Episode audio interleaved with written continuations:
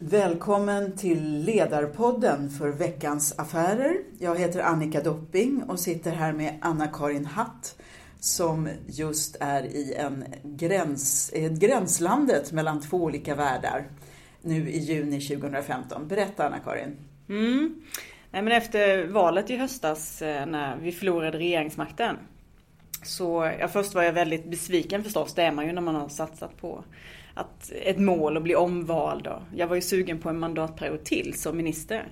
Sörjde du det då liksom medvetet så att du bearbetade? Ja, det gjorde jag. Ja. Det jag gjorde först, ska jag säga, det, det, är att eh, jag såg till att avsluta uppdraget på ett bra sätt. För att det är en av mina ledarskapsfilosofier, att lika viktigt som det är att börja ett uppdrag på ett bra sätt, mm. lika viktigt är det att avsluta det på ett bra sätt. Så att jag såg ju till att ta mig tid och sitta ner med alla medarbetare i olika grupper, med mina närmaste förstås i den politiska staben, men också med alla opolitiska tjänstemän, med mina generaldirektörer och så. Så att man fick prata igenom vad var det som hände, vad har vi gjort tillsammans som har varit bra? Och på det sättet få tacka varandra och avsluta och också skicka iväg varandra liksom för framtiden. Eh, och jag tror att sånt där är viktigt. Det är, det är lite det är ungefär som när en människa går bort. Alltså begravningen har en väldigt stor symbolik och har stort värde för människor. Eh, och jag tror också när man slutar någonstans så är det viktigt att avsluta på ett bra sätt så att man inte bara smiter ut bakvägen. Så det gjorde jag samtidigt som, som eh, förstås det var en stark besvikelse av att inte vinna. Är man en vinnarskalle så vill man ju liksom. Mm. Så jag, och, jag, och, jag, tror också att det är viktigt att man tillåter sig att, att faktiskt få bli både förbannad och besviken och släppa ut det där. För att gör man inte det då blir det ju som de här berömda knölarna under mattan som man liksom bara håller på att snubbla på och så exploderar det vid något annat tillfälle. Så jag är stark vän av, av att man släpper fram liksom sorgen och besvikelsen och tillåta sig att, att göra det. För att då blir det mycket lättare att gå vidare. Och gå vidare snabbare än vad man annars skulle kunna vara. Hur har de reagerat då, dina medarbetare och de omkring dig, av att se de här känsloyttringarna? Har det varit frigjort, tror du, att de har vågat också? Ja, det tror jag. Mm. Det tror jag. Det, det, är alldeles uppenbart att om man liksom tar i detta och faktiskt sitter ner och bekräftar liksom både känslan av besvikelse men också det som sen ganska snabbt kommer hos de flesta, en nyfikenhet på vad ska komma nu. Mm. Det är ganska spännande där när man inte, man sitter med ett vitt papper i praktiken för sitt yrkesliv och så inser man att här finns det inga ramar och begränsningar utan det här kan bli vad jag själv vill. Eh, och det är, men det är ju väldigt individuellt hur snabbt man kommer dit. Jag hade, hade ju medarbetare som det har tagit lång tid för, eh, som kanske nu börjar se det som en möjlighet. Medan jag själv eh, ganska snabbt tog mig dit. Men det berodde väl också på att jag inte är rädd för jag är inte rädd för sorgen och svärtan. Jag vet att man måste liksom få släppa fram det och vågar man göra det så kan det komma väldigt mycket kraft ur det också. Eh, så det är min erfarenhet att, att liksom låter man, tillåter man sig själv att bli besviken eh, och släpper ut det så kommer man snabbare till punkten när man känner att ja, men nu längtar jag efter att komma vidare. Hur tänkte du då när du skulle börja fundera på vart, vart du skulle vända dig i nästa steg? Jo men det är också spännande och spännande på något sätt att följa sig själv. Nu är jag en person som reflekterar mycket också kring mitt eget ledarskap så att jag har liksom också åkt helikopter över mig själv och försökt, men vad är du nu Anna-Karin? Vad är det för process för att förstå liksom skeendet? Eh, och det är klart, det är ju det här klassiska, är man på väg mot ett bestämt mål i 120 mm. som jag ju var inställd på en ny mandatperiod som minister. Mm. Och så blir det inte så. Så är det ju väldigt lätt att hjärnan, den första reaktionen är att ja men jag skulle ju syssla med heltidspolitik på heltid. Hur kan jag göra det nu på ett annat sätt? Det var liksom den första ryggmärgstanken som är så här reptiltanke. Mm. Eh, men då hade jag ju sinnesnärvaro nog eh, och tillräckligt mycket livserfarenhet tror jag för att inse att ah, det där är inte säkert att det är det som är rätt nu när du sitter med ett vitt blad. Så att jag bestämde mig tidigt för att ge mig själv tid att landa i tanken om vad ska jag göra nu med mitt liv då? Och då blev det en process där, där det liksom, det var som en eh, nästan som när du ställer om en kompass, att gradvis så liksom inser att nej men heltidspolitiken, jag har hållit på med det i 20 år. Fått göra nästan allt som är spännande i politiken. Kände inte riktigt att, ja men vad finns utmaningen för mig där i? Och så steg för steg så, så insåg jag att nej, men nästa utmaning för mig den ligger någon helt annanstans och började då känna en längtan tillbaka till näringslivet och till den dynamiken. Samtidigt som jag ju tydligt eh, kände och känner att jag vill fortsätta bidra till samhällsutvecklingen och påverka samhället. Mm. Så att någonstans där mm, ja, eh, i slutet på november, början på december så hade jag ju landat tydligt i att nej men eh, partipolitiken har varit fantastisk för mig och har givit mig otroligt många möjligheter, inte minst att utveckla mitt ledarskap.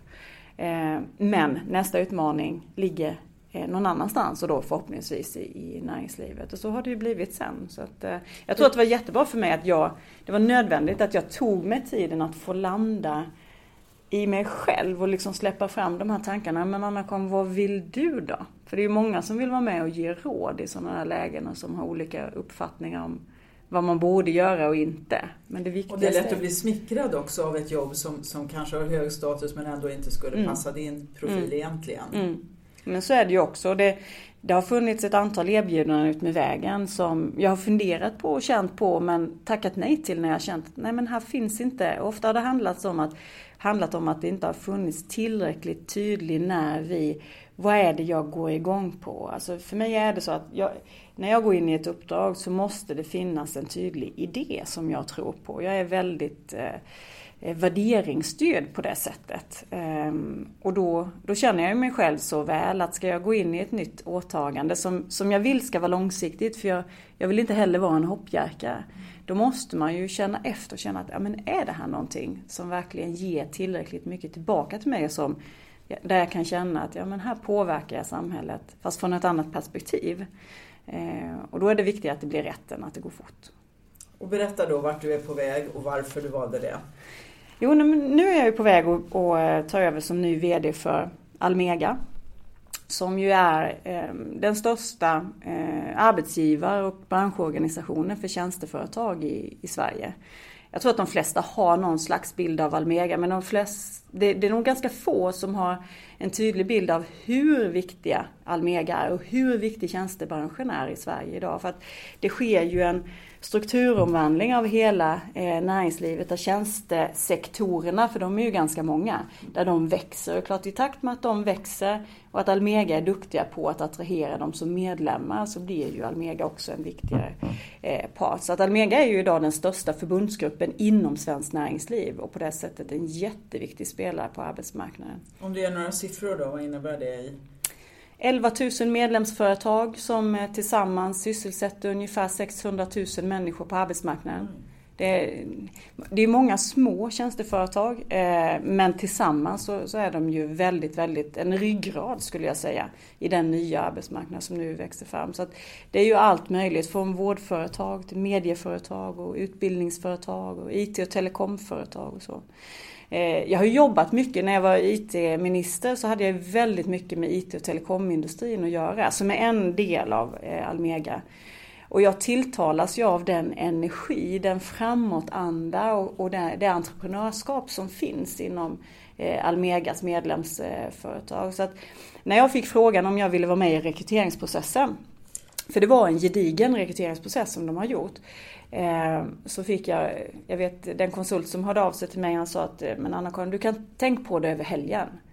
Jag sa att jag behöver inte tänka över helgen för att eh, jag hade redan tidigare liksom funderat kring Almega att det vore spännande någon gång att få jobba i den verksamheten. Och för mig så är det nästan en perfect match. Jag får jobba med påverkansarbete eh, för att bana väg för tjänsteföretagen och se till så att det blir regelverk och mm, reformer som gör det lättare för tjänsteföretagen att både verka men också att växa.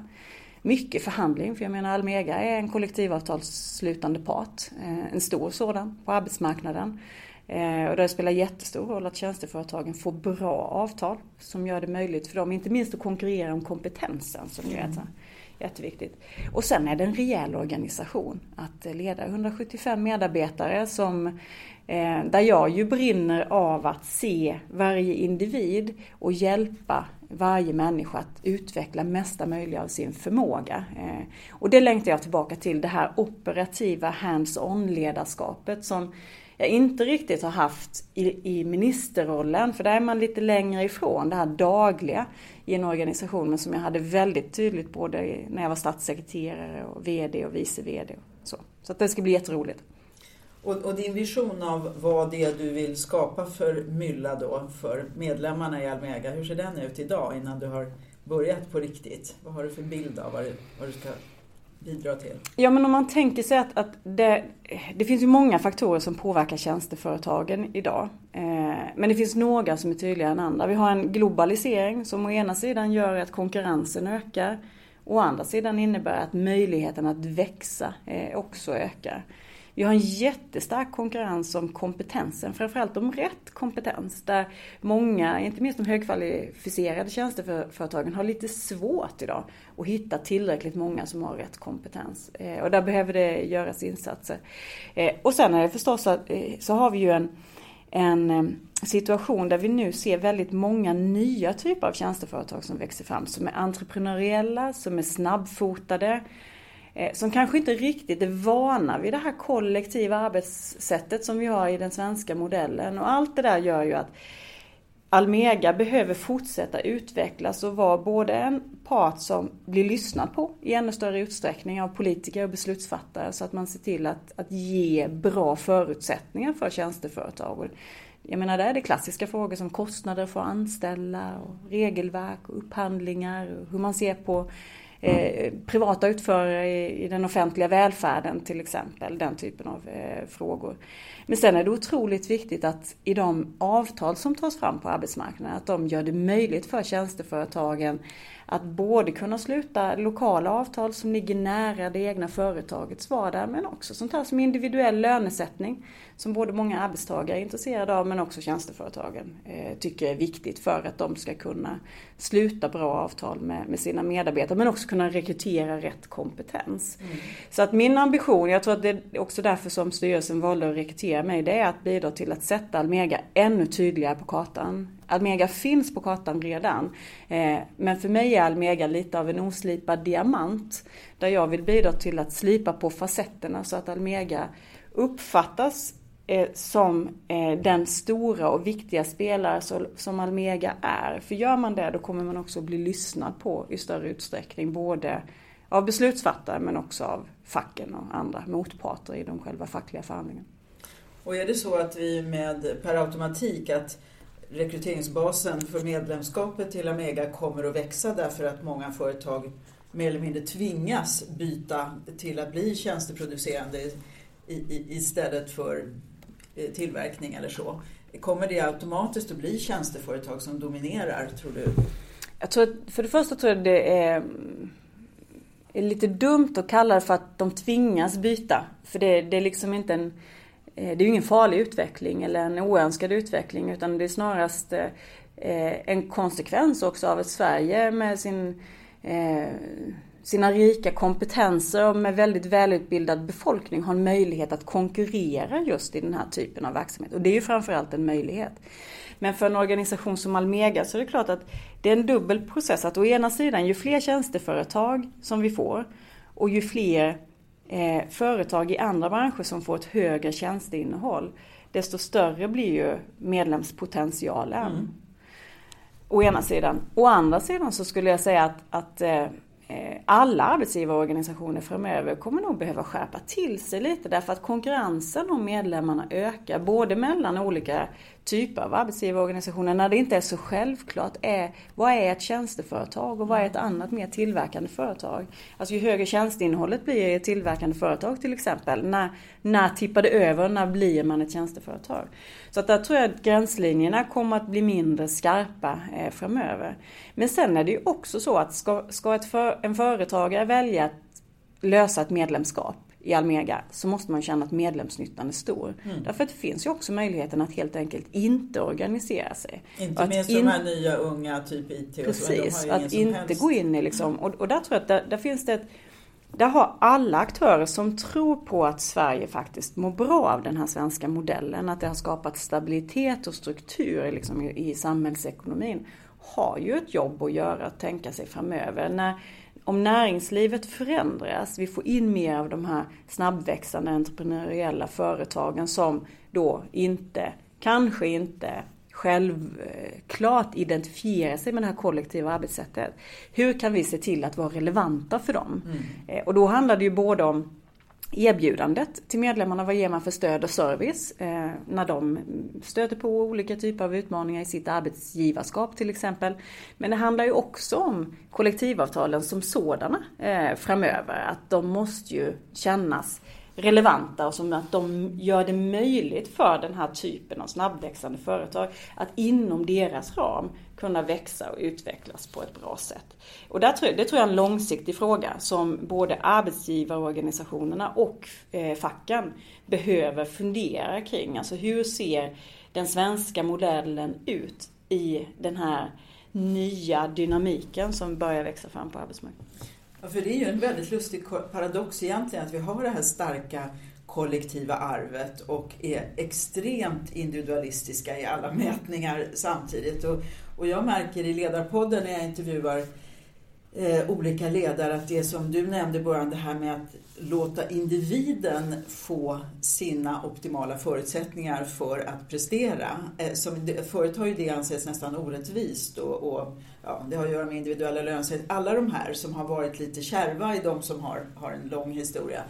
Eh, där händer det jättemycket med eh, stora företag som Microsoft, små spelutvecklingsföretag, att de, de, kan lägga månader på varje medarbetare och tänka vad är, vill du jobba tidigt, vill du jobba sent, vill du sitta bland människor, vill du sitta i en bubbla, vill du eh, vara helt borta från, och, och värpa fram någonting? Och så förstår man att där finns nyckeln mm. att få fram det. Mm. Och, och då gäller det inte att vara för fast i att rättvisa skipas av likhet. Mm. Och känner du att det, att det i sig blir då en utmaning i kulturen eh, hos er? Att, att möjliggöra den flexibiliteten, att liksom visa att vi kan stötta er oavsett var ni kommer ifrån eller vilken typ? Nu har jag ju inte tillträtt ännu så att sånt där är svårt att bedöma helt och hållet innan man är på plats och mm. liksom känt in stämningen också, känt in medlemsföretagen. Men mitt intryck är att Almega är verkligen på de här frågorna och är en av de aktörer på arbetsmarknaden som jag menar Almega var ju ett, eh, en av de organisationer som tidigast började propagera för lokala avtal och individuell lönebildning eh, och sådär. Eh, så att visst är man på frågorna men, men jag tror att där det är liksom inte någonting som är färdigt utan nu kommer ju också, om man tänker de som är på väg in på arbetsmarknaden och tittar på deras värderingar. Så ligger det ju väldigt mycket i det som, som du säger att det är ju också så att en ung människa idag som funderar på vart man vill söka sig tar ställning till en massa olika saker. Inte bara lön och liksom arbetstid och arbetsplats utan de funderar ju på sånt här som Sina vilken chef vill jag ha? Men ja, vilken, vilken chef vill jag ha? Ja. Vad är det för värderingar som det här företaget står på? Så att, eh, just den här konkurrensen om kompetensen tror jag, det, det, kommer vara fler faktorer framöver som man måste väga in och vara medveten om som eh, både som enskilt företag men också då som arbetsgivarorganisation som man behöver jobba med för att man ska vara attraktiv. Mm. Och då kommer man tillbaka till det här med konkurrensen om, om kompetensen som jag tror kommer vara en nyckelfråga framöver därför att vi ser ju redan nu att eh, det är Å ena sidan så finns det arbetslöshet i Sverige och å andra sidan är det svårt med matchningen. Många företag som inte upplever att de, de kan få tag på rätt kompetens. Mm. Eh, och så vet vi att, att framöver så, eh, så dånar det in stora pensionsavgångar. Inte främst i privat sektor kanske men i offentlig sektor. Men som kommer att bidra till att öka konkurrensen om kompetensen. Mm. Och då blir det ju olika parametrar som är viktiga att titta på. Hela utbildningssystemet ser vi till så att de som är unga faktiskt är anställningsbara och, och möjliga att ta in och att kostnaden för att ta in dem är rimlig så att de överhuvudtaget får en chans. Hur ser vi till att snabbare ta vara på de här? Det finns ju massvis med högutbildade akademiker som har kommit till vårt land från andra länder. Men som antingen har svårt att överhuvudtaget komma in på arbetsmarknaden eller kommer in på fel ställe i arbetsmarknaden och då fastnar i fel yrke. Jag menar läkare som kör taxi som blir fast liksom i taxiskrået. Inget ont om taxi men de är utbildade för någonting annat. Där vi har skriande behov. Där vi har skriande behov, ja. ja. Precis. Så att den här typen av frågor blir ju viktigare och viktigare att jobba strategiskt med. Eh, för att eh, både på ett systemnivå från beslutsfattarnas sida se att de människor som får utbildning och, och så i Sverige eh, faktiskt får rätt utbildning. Men också från företagens sida att ha en medveten strategi. Hur blir vi attraktiva när många kommer att slita i de här eh, individerna. Och det här med, med värderingar som unga människor ofta, som du säger, har vad, vad, på vilket sätt kommer det här jobbet att skapa mm. mening i mitt liv är liksom ett av grundrekvisiten, mycket mer än, än lönen många gånger.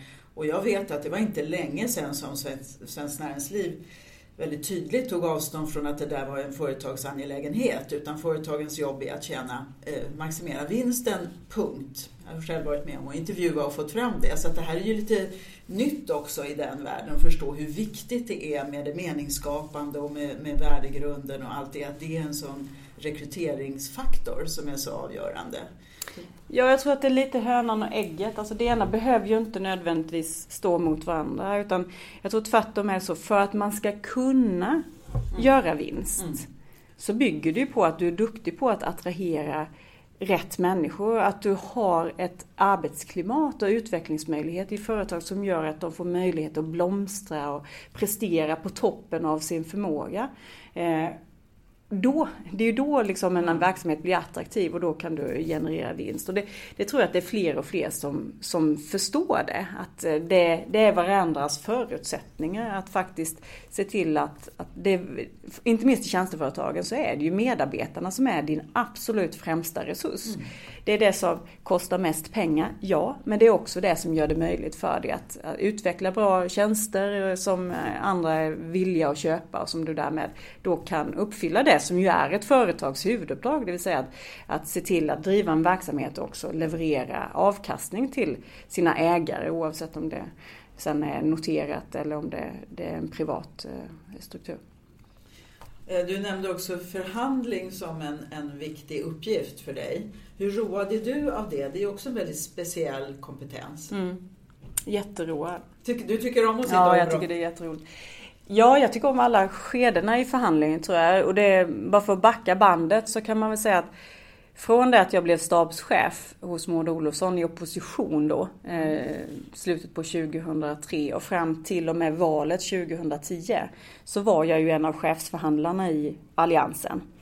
Eh, först var det jag och eh, tre till som ingick i det som kallades för preparandgruppen som var allianspartiledarnas förhandlingsgrupp för att ta fram alla politiska överenskommelser från 2004 fram till valet 2006. Eh, så det var jag, Anders Borg, Helena Dyschen från Folkpartiet och sen Jakob Forssmed från KD som, som förhandlade allting fram till eh, 2006 inklusive valmanifest och sådär. Och sen när valet kom 2006 så blev jag ju statssekreterare och chefsförhandlare för Centerpartiet på eh, statsrådsberedningen och ledde våra förhandlare där. Vi hade sju stycken från Centerpartiet. De andra partierna hade lika många.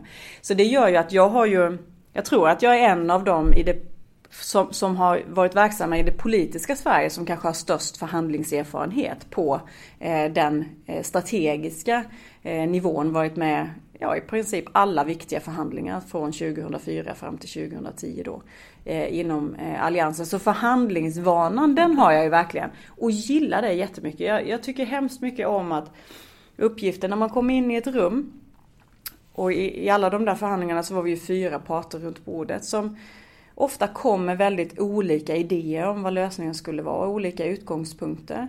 Eh, men att bidra till att den gruppen fokuserar på ett, verkliga samhällsproblem. Vad är det för problem vi är här för att lösa? Och sen ha förmågan att både vara tydlig med vad jag själv har för idéer på hur, eh, hur vi skulle kunna lösa detta. Men vara lika duktig på att snappa upp vad är det de andra har, vilka guldkorn sitter de på? Som gör att vi tillsammans kan forma en, en lösning. Ibland kallar man ju det för kompromiss och då tycker man att det är någonting som, som inte är så fint. Men för mig är kompromissen kanske det finaste man kan göra. En bra kompromiss, då har man ju tagit det bästa från alla de som sitter runt bordet och fått en helhet som är bättre än vad någon enskild eh, själv hade kunnat komma på. Eh, så att jag, jag gillar den, den utmaningen att få olika motstående, ibland motstående intressen att faktiskt hitta en gemensam överenskommelse och få den att hålla över tid. Och då gäller det att kunna skilja på sak och person och inte bli för känslomässig för det måste ju vara en väldigt viktig aspekt i förhandlings Absolut, man, man, man kan vara väldigt eh, passionerad och engagerad runt förhandlingsbordet. Det, det underlättar bara. Men det är viktigt att man eh, är, passionerad runt rätt saker. Alltså passionen bör man ju rikta kring samhällsproblemet. Om det nu handlar om att minska utanförskapet från arbetsmarknaden till exempel. Så hur mycket passion som helst eh, kring det. Men däremot när man går utanför förhandlingsrummet att faktiskt kunna umgås som folk och inte liksom bygga upp fiendebilder eh, och så. Så att det finns ju ett antal ganska grundläggande förhållningssätt i för att man ska kunna åstadkomma en bra överenskommelse och få den eh, att hålla över tid som jag tar med mig från politiken till näringslivet nu. Och när det gäller då vad du mer kan ta med dig från politiken, för ibland kan, kan människor på fältet, på golvet känna att politikerna förstår inte vår verklighet. Mm. Det är en fullständigt egen isolerad värld. Mm. Känner du att du har bra, att du kan ha lätt att ställa dig i företagarnas skor till exempel, som du nu kommer att möta många, mm. och förstå de villkoren? Jag har ju gått mellan politiken och näringslivet tidigare. Ehm, jag hade, när jag kom ut från universitetet var nybakad så började jag med en, en lång period av politiskt arbete, också yrkesarbete. Ehm, men sen tog jag väldigt medvetet en paus från, helt och hållet från politiken. Var ute och jobbade som vice VD på en PR-byrå VD för ett friskoleföretag. Och sen kom jag tillbaka till politiken eh, och gjorde tio år eh, nu också. Nu ska jag tillbaka till näringslivet igen. Jag skulle ju gärna se att fler gjorde precis det. Alltså går från politiken till näringslivet, från näringslivet till politiken eller för den delen mellan näringslivet politiken och det civila samhället. Därför att för mig är det ganska tydligt att om man tänker sig att samhället grovt, Sverige grovt är uppdelat i tre delar, näringslivet, politiken och civilsamhället, så är det alldeles för mycket vattentäta skott mellan de här sfärerna. Och väldigt många, om man kommer in, säg att man kommer in eh, i näringslivet så jobbar man hela sitt liv i näringslivet. Man kommer in i politiken och jobbar kanske merparten av hela sitt yrkesliv där och rör sig inte så mycket emellan. Jag som har gått emellan kan ju se att det finns otroligt många företagsledare som har för grund förståelse kring politikens logik och natur och hur man måste bete sig för att kunna få stöd och få mandat för att genomföra en politisk reformförändring. Å andra sidan så finns det otroligt många politiker som har en grundförståelse för näringslivets dynamik och behov och krav och vilka dilemman man kan stå inför som, som företagsledare. Så att, och jag tror att detsamma gäller då i förhållande till det civila samhället. Och min absoluta tro är att om lite fler eh, både fick och bestämde sig för att gå mellan de här sektorerna eh, Eh, och kunde hjälpa till att tolka mellan dem så vore det bra för Sverige. Eh, därför att då kan vi förstå varandra bättre. Eh, som samhälle så har vi ju ett antal olika saker som, vi, som är gemensamma. Vi vill ju, alla vi som bor i Sverige vill ju att Sverige ska vara ett bra land att leva i. Att vi ska kunna fortsätta ha tillväxt och utveckling och människor ska kunna få jobb och vi ska kunna utvecklas och sådär. Men vi har ju olika uppgifter från olika sektorer och för att man ska kunna bidra på bästa sätt till de gemensamma målen så bygger det också på att man åtminstone i tillräckligt hög utsträckning förstår varandras eh, förutsättningar för att man ska kunna ha en bra dialog. Så att, ja, det, man behöver sätta sig lite på skolbänken både från politikernas sida och också från näringslivets sida så att man förstår varandra bättre. Då är det lättare att mötas.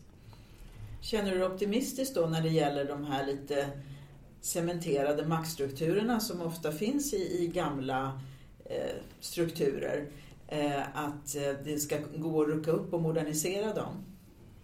Ja, jag är ju en förändringsagent. Eh, det, det, är så jag ser på mig själv som en samhällsförändrare. Så att jag, alla uppgifter jag har tagit mig an har handlat om att i större eller mindre utsträckning skapa nytt eller förändra, förfina, eh, utveckla. Eh, så att det är klart att jag tror eh, på det. Men det är klart att det är en utmaning om man tittar på både de här eh, organisationerna, om man tar som Almega som en arbetsgivarorganisation så är det ju en historik som går väldigt långt tillbaka eh, i tiden, många, många decennier. På samma sätt är det med mycket av de politiska strukturerna att många av de etablerade politiska partierna i Sverige idag har ju hundra år på nacken. Mm. Och det är klart att det, det är både en en tillgång i det. Det skapar en trygghet i att det finns någonting som är stabilt och bestående och man vet liksom hur man gör. Å andra sidan så kan det ju vara en utmaning att då orka eller kunna röra sig tillräckligt snabbt när omvärlden förändras.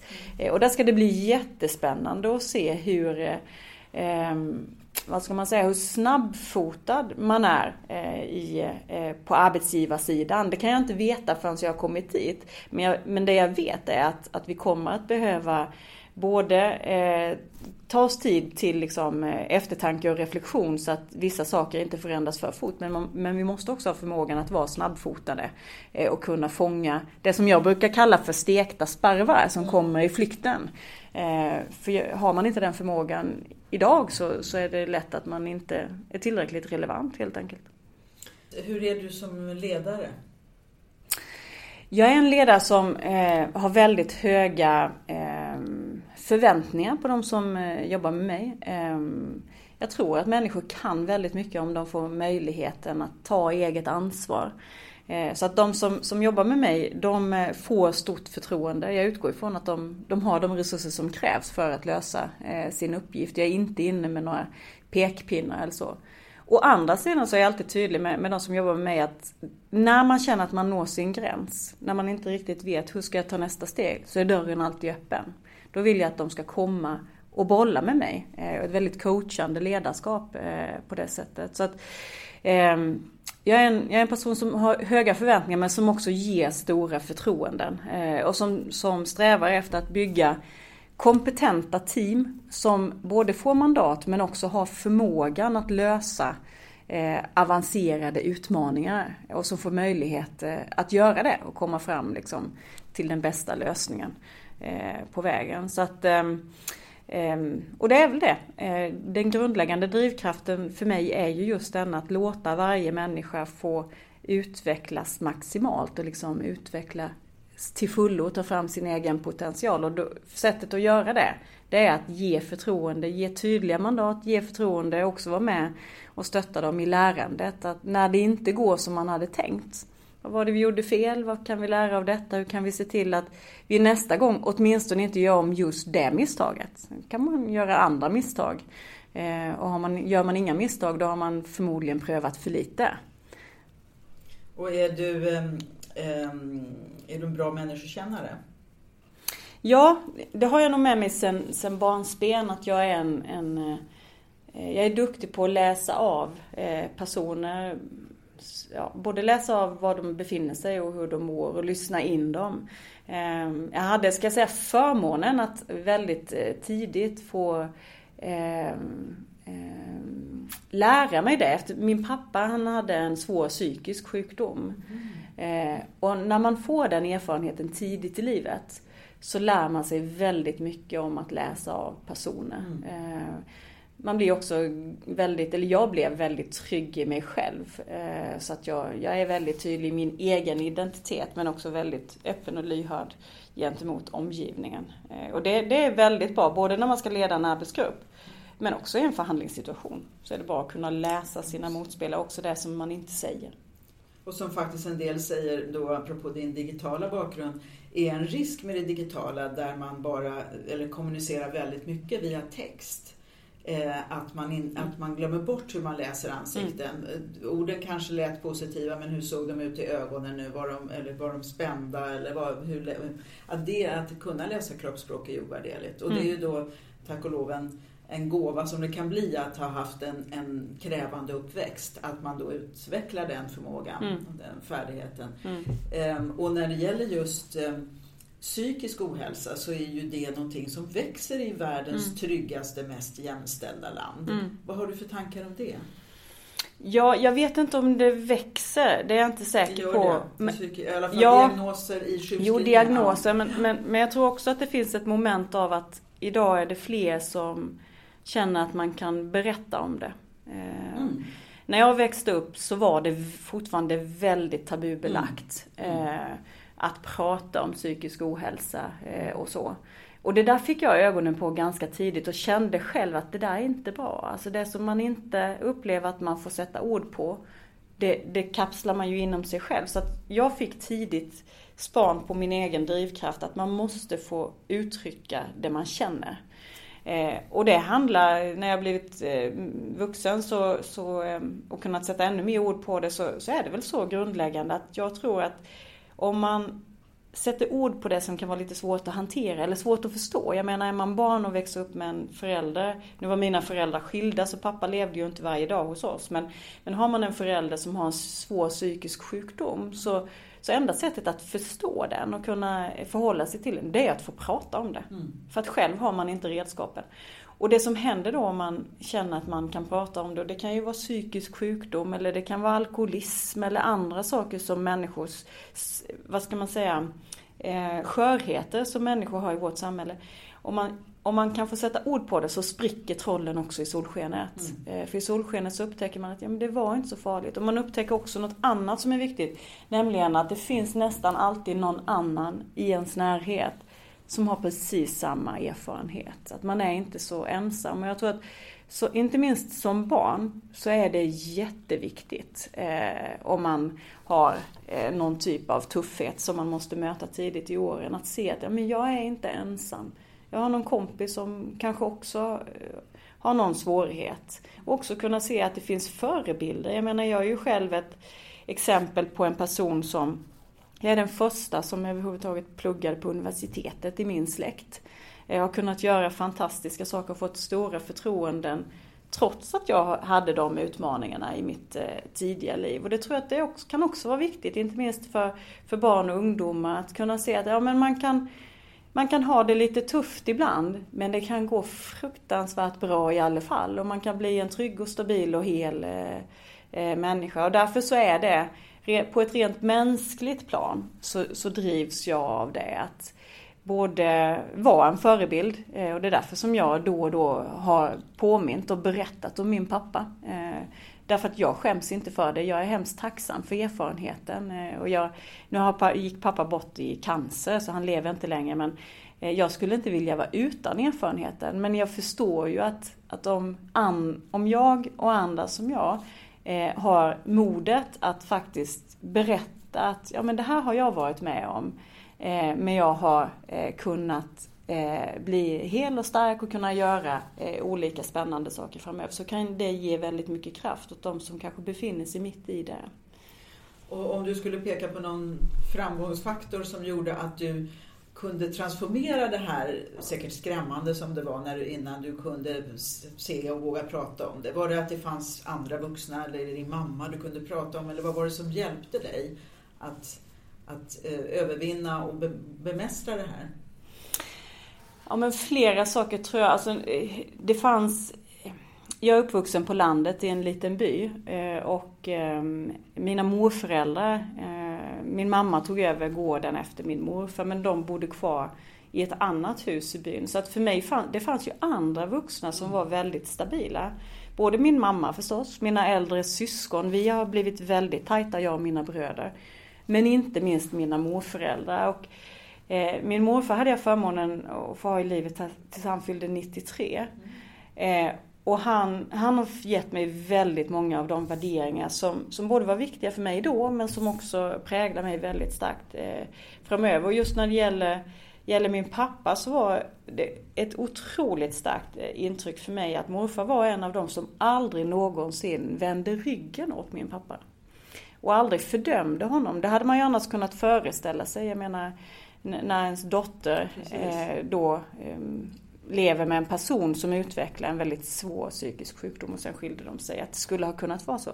Men morfar gjorde aldrig det. Och det, det väckte någonting hos mig där jag insåg att ja, men man, eh, man, man eh, Människor kan göra saker som kanske inte är så bra men det är ändå helt okej okay att tycka om dem och älska dem och möta dem. Att, att se att det finns, alldeles oavsett vilka svårigheter man har, så finns det något gott i alla människor. Och det där tror jag att jag fick span på eh, via eh, morfar och tog väldigt starkt fasta eh, på också. Och helt enkelt bara utgick ifrån att jag har, jag har rätten att faktiskt eh, eh, både ibland förstås vara förbannad på pappa för att han, eh, och ibland inte förstå, men också helt enkelt älska honom. Därför att det, det gjorde jag ju och det gör jag ju. Eh, han är min pappa och han är ett av skälen till att, att jag är den jag är och har blivit den jag är.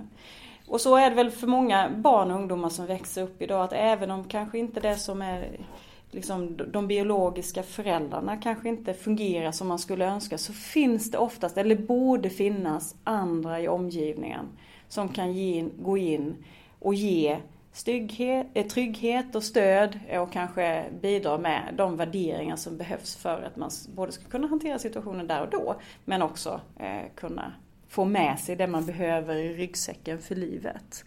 Och det är jag evigt tacksam för, för alla de som fanns, men också tacksam mot pappa att jag fick tidigt i livet se att det finns skörheter hos, hos människor och sjukdomar som kan slå till som man inte kan rå för som människa. Det var ju viktigt för mig när jag väl kunde förstå att en hel del av det som min pappa gjorde handlade ju inte om att han var elak utan det handlade ju om att han hade haft oturen att få en sjukdom som så länge han inte fick hjälp var svår för honom att hantera. Och sen när han fick hjälp och fick medicin så blev han ju en annan person och, och därmed också fick vi ett antal jättefina år tillsammans innan han tyvärr sen gick bort och i cancer. Och den erfarenheten av det, känner du att du som ledare också har en vidare vy och en högre tolerans mm. och djupare förståelse för att människor kan bli sjuka eller drabbas av väldigt svåra situationer. Mm. Jo men det tror jag. Har man själv varit med om det så, så är det ju flera saker som, som är väldigt tydliga. Det första är att det här klassiska som man brukar säga att eh, när man är ung så tror man att man är odödlig. För mig, för mig blev ju den tidsperioden väldigt kort. Eh, det vill säga att jag insåg väldigt tidigt i livet att eh, människor, de flesta människor stöter på en eller annan svårighet eh, i livet. Det kan vara att någon blir sjuk eller det kan vara en skilsmässa eller man tappar jobbet eller någonting sånt där. Men, men livet är sånt och det är en del av livet.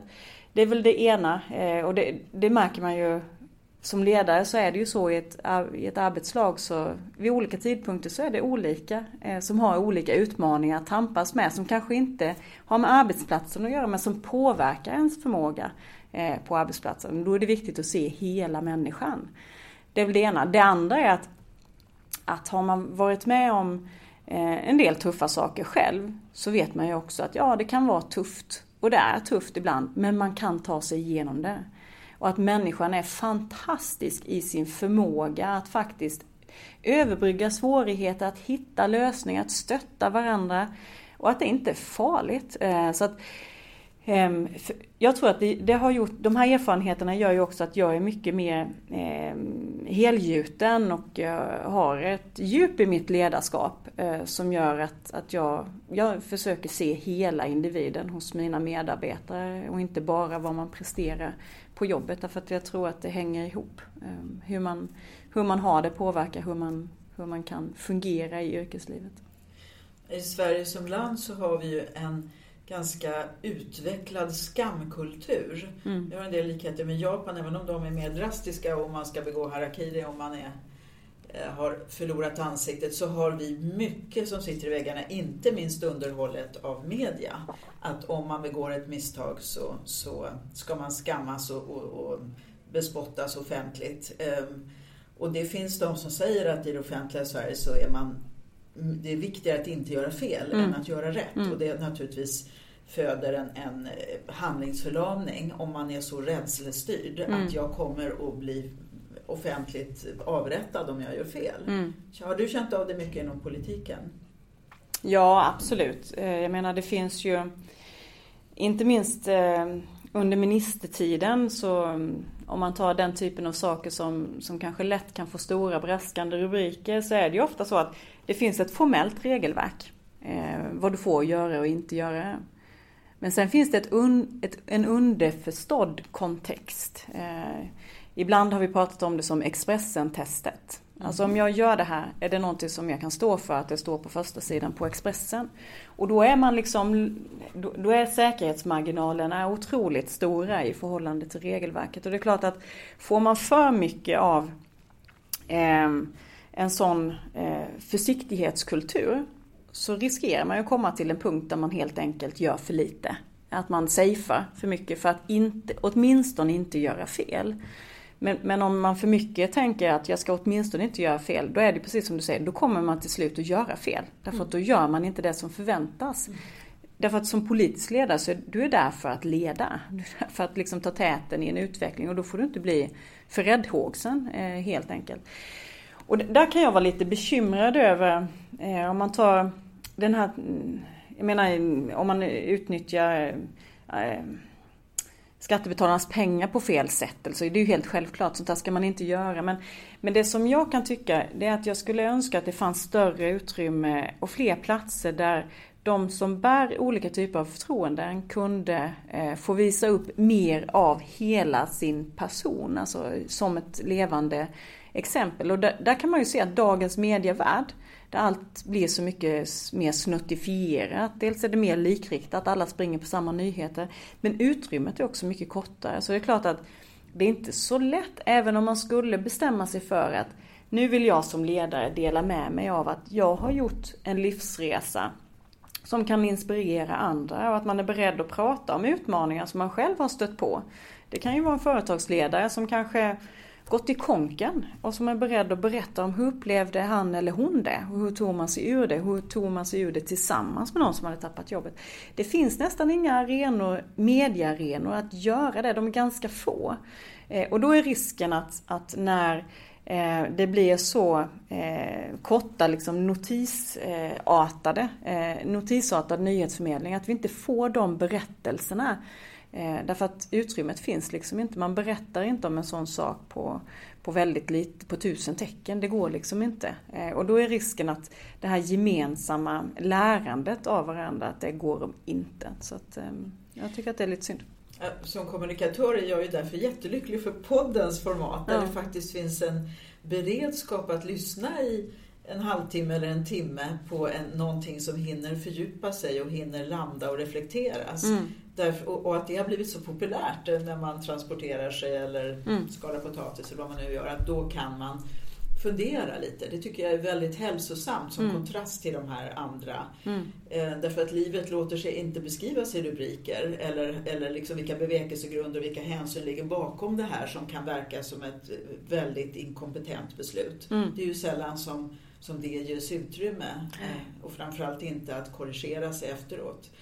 Ehm, men eftersom det här med wellness economy och wellness management ligger mig varmt om hjärtat. Eh, tror du att det kommer att bli en viktigare eh, aspekt i företagen att man ser till att möjliggöra hälsa i dess bredaste bemärkelse? Både kroppen, eh, tankarna, relationer, känslor, mening. Att vi att, att man förstår att med det på plats så kommer människor att, att leverera mycket bättre innehåll. Jag tror kanske inte att, eh, går det för långt så, så, kan det ju nästan låta som att allting ska liksom in på arbetsplatsen. Det tror jag inte heller är sunt. Utan jag, jag tillhör en av de som, som faktiskt tror att det är ganska viktigt att man som människa kan gå mellan sammanhangen och vila också. Alltså för mig är det jätteviktigt att jag är en person som, som går in och har väldigt hög energinivå eh, i allt jag gör, både privat och professionellt. Men, men för mig är det viktigt att, att å ena sidan kunna vara, lägga mycket tid och vara väldigt engagerad på jobbet. Men för att kunna vara det så måste jag också ibland kunna stänga av det och kunna vila i mitt privata sammanhang och inte blanda ihop det för mycket. Men med det sagt så är jag ju rätt övertygad om att om du, ska, om du långsiktigt ska kunna skapa en arbetsplats som är attraktiv och där människor trivs. Så är det klart att då kan du inte liksom se människor som utbytbara enheter eller som bara en liksom produktionsenhet. Utan, och det, blir, det är ju väldigt tydligt i tjänsteföretagen igen att det är ju individerna som skapar Eh, verksamheten och som skapar eh, resultatet. Och ska du då kunna liksom plocka ut det bästa ur varje e, enskild individ och hjälpa dem att utvecklas vidare så behöver du ha ett ganska holistiskt sätt på människan. Både se vad har den här personen med sig vad är det som är uppenbart? Vad är det den ser hos sig själv? Vad finns det där bakom ytan som du som ledare kanske kan se? Men som eh, medarbetaren kanske inte riktigt har fått kläm på men som du kan hjälpa till att plocka fram och förädla. Det kan ju vara någon som kanske aldrig har, har varit eh, arbetsledare men som du ser, det här är en person som skulle kunna ha talang och leda några andra och ge den typen av förtroenden. Så att jag tror att, att eh, kraven på framtidens Eh, ledare handlar ju väldigt mycket om att vara duktiga i sitt ledarskap. Om man skiljer på Eh, kvaliteterna i ledarskapet och kanske mer formella chefskapsegenskaper så, så behöver företag se till att ha goda ledare som, som ser sina medarbetare och som är inställda på att, att liksom plocka ut det bästa eh, ur de individerna. För då kommer folk att ha roligare på jobbet, tycka det är mer stimulerande att komma dit. Men du kommer säkert också få mer lojala medarbetare och lättare att attrahera framtidens arbetskraft. Och jag hör, möter fler och fler ledare, nu är jag ordförande i en jury för hälsofrämjande ledarskap också sedan många år så att jag har fokus, liksom siktet inriktat på det.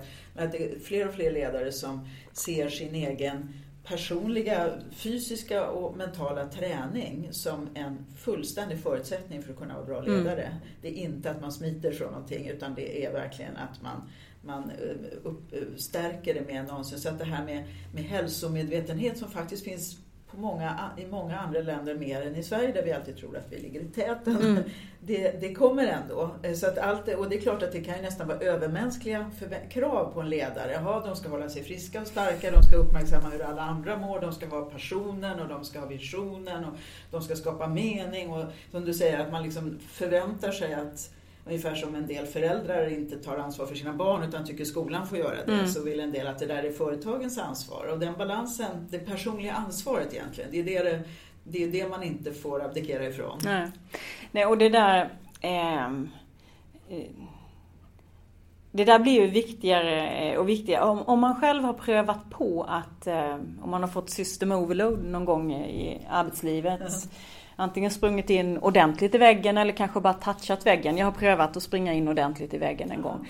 Det man lär sig då, det är ju väldigt tydligt detta just att ta ansvar för sin egen arbetssituation. Att det kan man inte delegera till någon annan. Så att en av mina filosofier det är just detta att, att eh, när, om man är en, eh, en person som har lätt att få förtroende eh, så, är det, så lär man sig att det är ganska många som vill vara med och addera förtroende när det går bra. Men blir det för mycket så är du ganska ensam. Och det beror inte på att folk är elaka eller illvilliga utan har du tagit på dig för mycket så blir det du själv som får bära och dina närmaste som får bära konsekvenserna av det. Och det gör att, att eh, sen jag hade den erfarenheten, det var i mitten på 90-talet så att det här är ju 20 år sedan nu. Eh, så har jag eh, då fick jag en väldigt bra anledning att helt enkelt lära mig att sätta gränser och bestämma mig för hur vill jag ha mitt arbetsliv. Hur vill jag jobba? När vill jag jobba? Vilken arbetskultur sätter jag i förhållande till mina medarbetare? Eh, ringer jag dem eh, varje kväll eller stör jag dem varje söndag? Låter jag dem få tid för återhämtning eh, och så? Och det där tror jag det är otroligt viktigt. Men i det ingår ju också att, att faktiskt se till att vara i form. Man behöver ju inte springa maraton, det är ju inte det det handlar om. Men men jag tror att det, både för mitt eget ledarskap så spelar det jättestor roll för mig. Jag snurrar på mig springskorna och så springer jag. Eh, just idag inser jag att jag kommer inte ha tid att göra det så då tog jag springskorna på morgonen när jag var på väg till första morgonmötet och så körde jag en powerwalk eh, dit och så har jag dem i en påse resten av dagen som jag går och bär, bär runt på. Men jag tror att det är otroligt viktigt att inse att kroppen och knoppen hänger ihop. Och har du väldigt mycket ansvar, eh, är du väldigt kreativ, har du ett, väldigt, ett jobb där du verkligen ger väldigt mycket, så är det viktigt att också få perioder av återhämtning. Och det är väldigt individuellt vad som är återhämtning, men för mig är återhämtning löparskorna, det kan vara i skogen eller på asfalten. Det handlar om att stoppa fingrarna i jorden, eh, att odla eh, i det lilla, bara i en pallkrage eller vad det nu kan tänkas vara och tiden med mina barn. Den är helt avgörande. Och alla de där tre pusselbitarna skulle jag säga är något att jag har förmågan att också prioritera det. Eh, har också varit ett av svaren till varför jag har kunnat vara en väldigt bra beslutsfattare genom åren. Att genom att va, veta var man fyller på sina energidepåer och prioritera dem så blir man också en bättre ledare och beslutsfattare på jobbet. Så du tackar delvis din far som där med sin svåra psykiska sjukdom lärde dig väldigt mycket om livet och ödmjukhet och, och, att läsa människor. Du tackar att du gick i väggen så att du har lärt dig prioritera, se till att, och tanka på depåerna. Eh, och av de erfarenheter som du har haft med kompromissandet med, med eh, alliansen i förhandlingsbordet, att kunna se hur, hur man kan få ihop det. Det ska bli väldigt spännande att se vad du gör av Almega. Tack så mycket Anna-Karin Hatt. Tack så mycket.